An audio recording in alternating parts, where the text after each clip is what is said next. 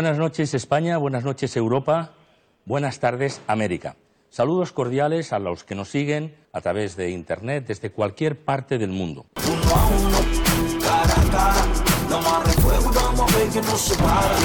Bienvenidos amigos a esta nueva edición de su programa Cara a Cara. Brexit ha sido una de las palabras más pronunciadas del recién terminado 2017, un año más la desconexión de Gran Bretaña de la Unión Europea ha acaparado innumerables titulares y minutos en tertulias televisivas y radiofónicas. En el cara a cara de Pontevedra Viva Radio también abordamos este proceso, pero no con una perspectiva macroeconómica, sino desde un punto de vista mucho más cercano. ¿Podremos seguir viajando al Reino Unido sin problema? ¿Las empresas podrán seguir exportando? ¿Y nuestros jóvenes, por ejemplo, mantendrán sus becas Erasmus para poder estudiar en las Islas Británicas? Pues para abordar todas estas cuestiones hemos invitado, hemos aprovechado la visita a Pontevedra de una persona, una mujer que lleva casi 18 años trabajando en Gran Bretaña para el gobierno. Rosa Estevez, bienvenida. Hola, encantada de estar aquí. Pues Rosa es actualmente, si no me equivoco, corrígeme, eh, asesora política del Ministerio Británico de Comercio Exterior, pero además a lo largo de tu carrera has trabajado eh, bajo la dirección del gobierno eh, laborista de Tony Blair y del ejecutivo de coalición que lideró el conservador David Cameron, por lo tanto tienes ya una, un recorrido en Gran Bretaña notable, ¿no? Sí, llevo ya casi 17 años y siempre presumo cuando vengo aquí, la broma que hago es que soy como 007, ¿no? Es lo mismo, trabajamos al, servicio de Su Majestad. bueno, lo primero, Rosa, ¿cómo llega una gallega de Beluso, me decías antes de empezar, a adquirir tanta responsabilidad en un país que no es el suyo? Pues llega un poco por suerte y un poco también por esfuerzo, la combinación de las dos cosas. Mira, yo hice la carrera de ciencias políticas y cuando acabé tenía claro dos cosas. Una es que quería ser politóloga, quería trabajar en, en ese área y también tenía muy claro que no quería hacer oposiciones. O sea, esa combinación es maravillosa. Entonces decidí irme al Reino Unido. Y una vez allí, mm, es una anécdota personal, pero muy simpática y la voy a compartir con vosotros, eh, me fui al equivalente del INEM, en Wimbledon y se me presentó una señora encantadora que me miró el currículum y empezó a decirme que si quería ser funcionaria. Y yo le dije que sí, pero que no quería volver a España porque quería aprender idiomas. Y fue ella la que me repitió 20 veces si quería ser funcionaria aquí porque mi concepto de ser funcionario pasaba, como sabes, por un proceso muy claro, claro. Entonces eso yo entendía lo que me decía, pero no entendía el significado de, oye, que tú puedes ser funcionaria aquí. Y fue ella la que me invitó a presentarme una entrevista en una agencia y a partir de ahí hice carrera. Y la verdad es que fue una experiencia y es una experiencia maravillosa. ¿eh? Es complicado, pero es maravilloso. ¿En qué momento de tu vida decides emigrar a, a Gran Bretaña? Pues mira, fue en el año 2001. Mm, ¿Te refieres una vez que ya estaba allí? Dije, aquí me quedo. Pues fue en el 2001 y, soy politóloga y trabajo para el gobierno británico porque lo quisieron ellos. ¿eh? Fue en ese momento porque otra anécdota personal es que pensaba volver a, Galicia y antes de volver mm, decidí presentarme a unas mm, plazas en el Ministerio Central. Y fue ahí cuando las pasé, las pruebas, y estaba en Beluso y me llamaron y me dijeron, oye, mira, mm, esta plaza si la quieres es para ti. Y es un puesto fijo, y es de politólogo, es ya, ya es un puesto importante. Y ahí fue cuando me dijo la famosa frase, mm, disfruta de Beluso, que los últimos días de libertad que tienes, y me dijo todo solemne en inglés, mm, bienvenido a la familia británica. Y ahí dije, bueno, ya está, aquí ya hago carrera, ¿no? Aquí ya está.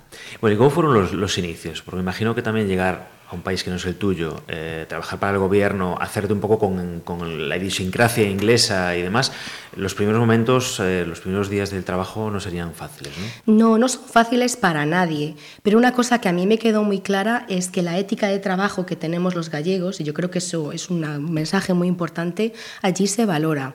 También se valora algo que a mí me sorprendió, que es la diversidad. Fue difícil porque los británicos tienen una manera de ver la Unión Europea, de ver su vida, que es muy como de regimiento, ¿no? Ellos son muy suyos. Pero claro, yo creo que aporté pues eso, frescura y un poco de una visión diferente y aparte como a veces metía alguna palabra gallega les hacía mucha gracia, entonces tiras hacia adelante. Pero sí que la política y sí que los dirigentes políticos británicos son personas muy difíciles de, torear, ¿eh? son muy complicados. Además de tu trabajo en materia de Unión Europea, has eh, asesorado mucho al gobierno británico en este, en este asunto.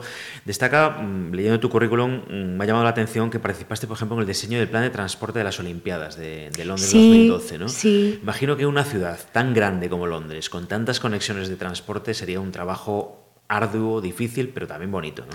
Fue fascinante, pero fue horrible porque llegó el momento de las Olimpiadas y estábamos todos muertos.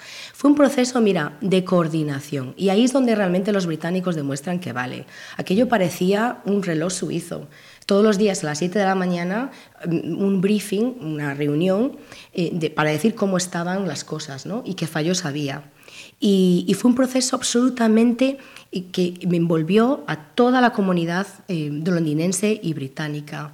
Y, te da una cercanía a lo que es la, buena política que luego, evidentemente, lo aprecias. Y yo de verdad que disfruté. Eso sí, no disfruté para nada de las Olimpiadas. ¿eh? Fui, cuando el día que fui, tengo una cara de dormida, tengo una foto que parece que estoy dormida, porque también estoy dormida.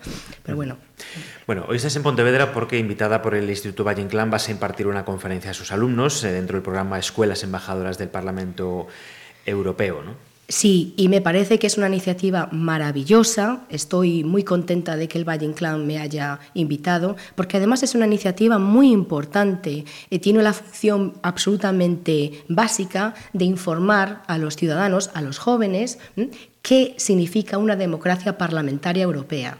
Y digo esto porque yo voy a hablar de Brexit y una de las consecuencias del Brexit es que en el Reino Unido se habla mucho de su parlamentarismo, pero hay una escasez de conocimientos de lo que es el parlamentarismo europeo. Por lo tanto, yo le doy la enhorabuena al Valle Inclán por, por ser parte de esta iniciativa. Es importante ¿no? que los jóvenes también miren más allá de, sus fronteras. ¿no? Absolutamente, sobre todo los jóvenes gallegos, ¿no? que Galicia es uno de los mayores exportadores de talento. y no lo digo por mí, sino por la cantidad de gente válida que he conocido, que he tenido el gusto de realmente apreciar y trabajar con ellos y tenemos una creatividad que es asombrosa. La pena es que todo eso lo exportas ¿no? y, se, y, se, queda en otros países en vez de guardarlo para ti.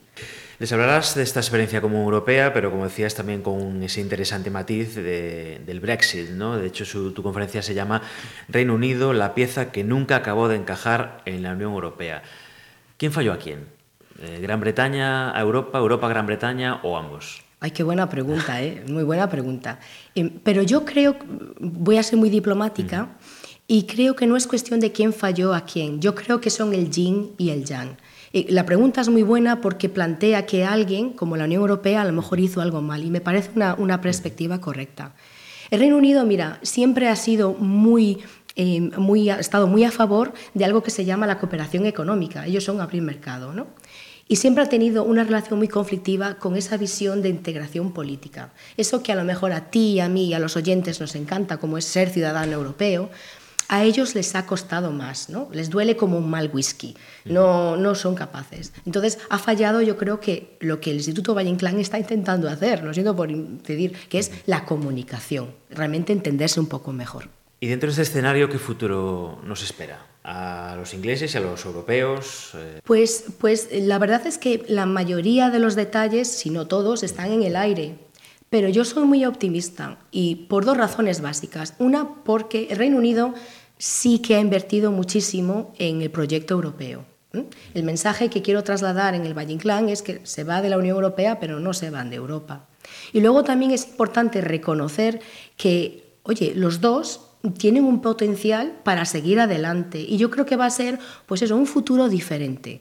Y, creo que es importante que dentro de 10 años o 15 años podamos tener esta conversación y poder verlo en perspectiva. Será también una separación, entiendo, que, mm, bueno, que puede llegar a ser beneficiosa para los dos, ¿no? para las dos partes. Claro, claro, absolutamente, absolutamente. Mm, yo creo que lo bueno de este proceso es que mm, va a hacer lo que tú comentaste, el plantearse si algo ha fallado. Y eso quiere decir que puedes intentar ver si hay, pues eso, una oportunidad o unos pequeños cambios que se puedan introducir. Por ejemplo, una de las grandes batallas del Reino Unido es, por favor, hay que ver qué se hace con los presupuestos. ¿Estamos invirtiendo el dinero en las cosas que realmente se benefician más a los ciudadanos europeos, sí o no?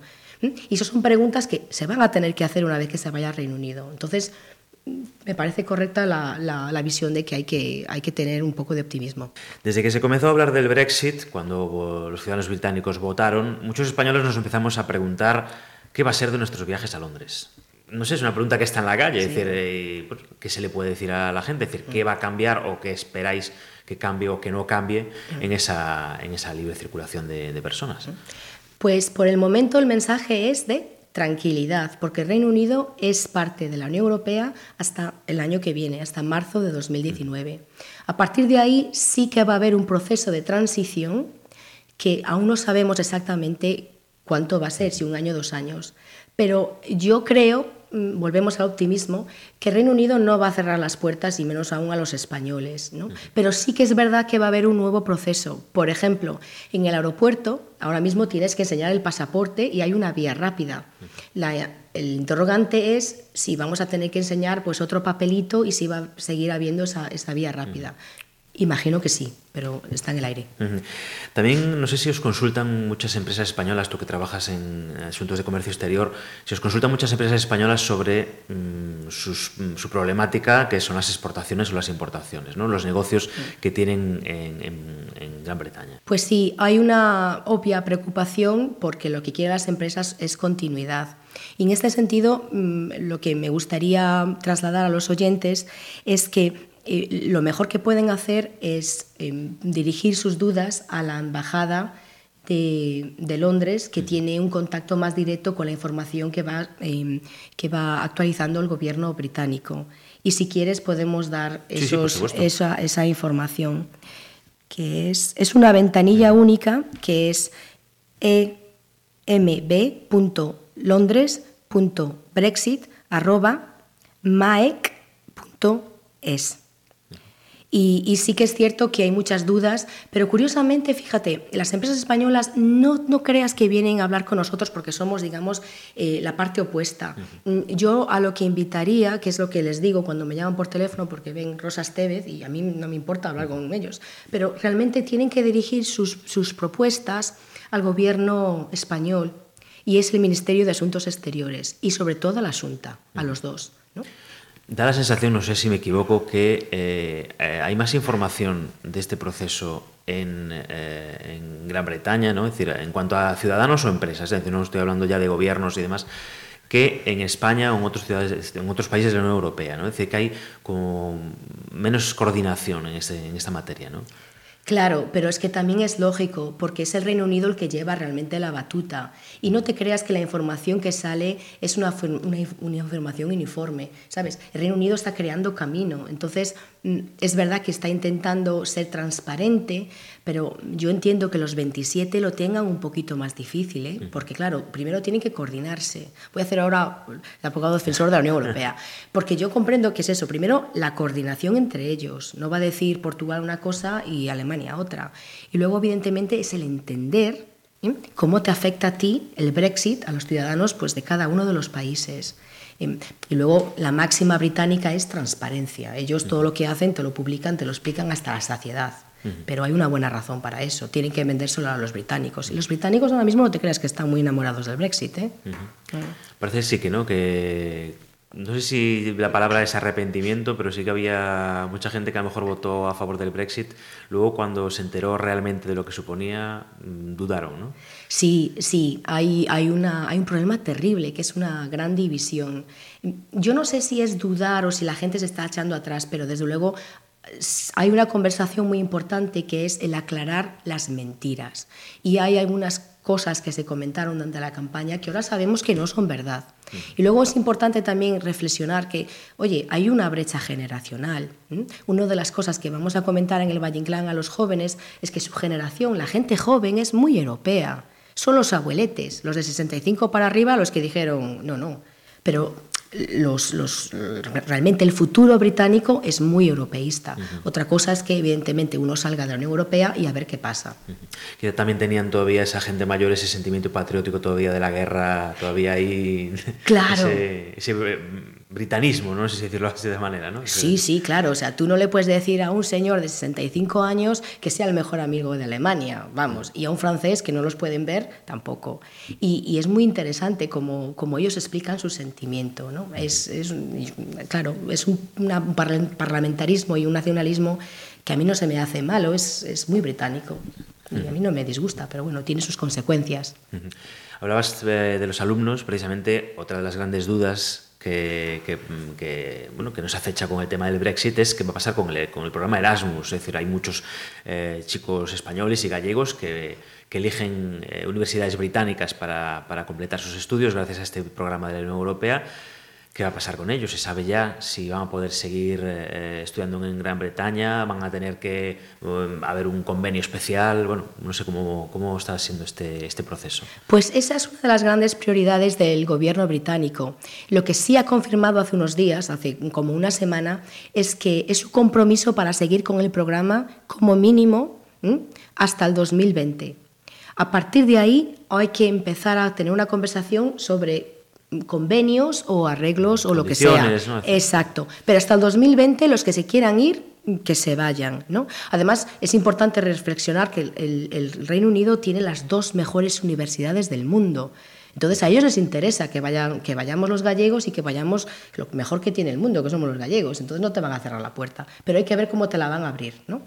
Y, una cosa que quería mm, comentar es que aquellos que estén interesados en el programa Erasmus, hay una página web a la que pueden consultar y allí ya los mantienen informados. Y es erasmusplus, todo junto, Y también tienes dirección de Twitter, que es arroba erasmusplusuk, todo junto. Bueno, y ya desde el punto de vista personal a estos alumnos, eh, ¿qué le puede decir una persona, una chica de Bueu, que decidió eh, irse a trabajar a, a, Reino Unido? Es decir, si se lo recomendaría pues a, la gente que te va a escuchar. Yo sí lo recomiendo porque para mí es un país maravilloso, durísimo porque exige lo mejor de uno mismo, pero un país que aprecia el talento. Y yo estoy convencida de que Galicia es una gran exportadora de talento. Y también los animaría por una cosa básica, que es, oye, el Reino Unido se va, pero eso no quiere decir que tú lo tengas que dejar de lado, ni que ellos te quieran dejar a ti de lado. Por lo tanto, yo invitaría a la gente a informarse qué es el Brexit, y mi discurso final, que está copiado de un escocés completamente, es a invitarles a que hablen de Brexit, porque Brexit somos todos, ¿no? ¿Qué Unión Europea queremos? ¿Qué ciudadanos somos? ¿Y qué futuro vamos a construir? Pues con ese mensaje nos quedamos. Rosa Estevez, un placer conversar contigo en este cara a cara. Gracias, muchas gracias, un placer. Seguro que con respecto al Brexit seguiremos hablando en los próximos meses, en los próximos años. Nosotros lo dejamos aquí. Hasta la próxima semana. Sean felices. Cara a cara. Pontevedra Viva Radio. Oh.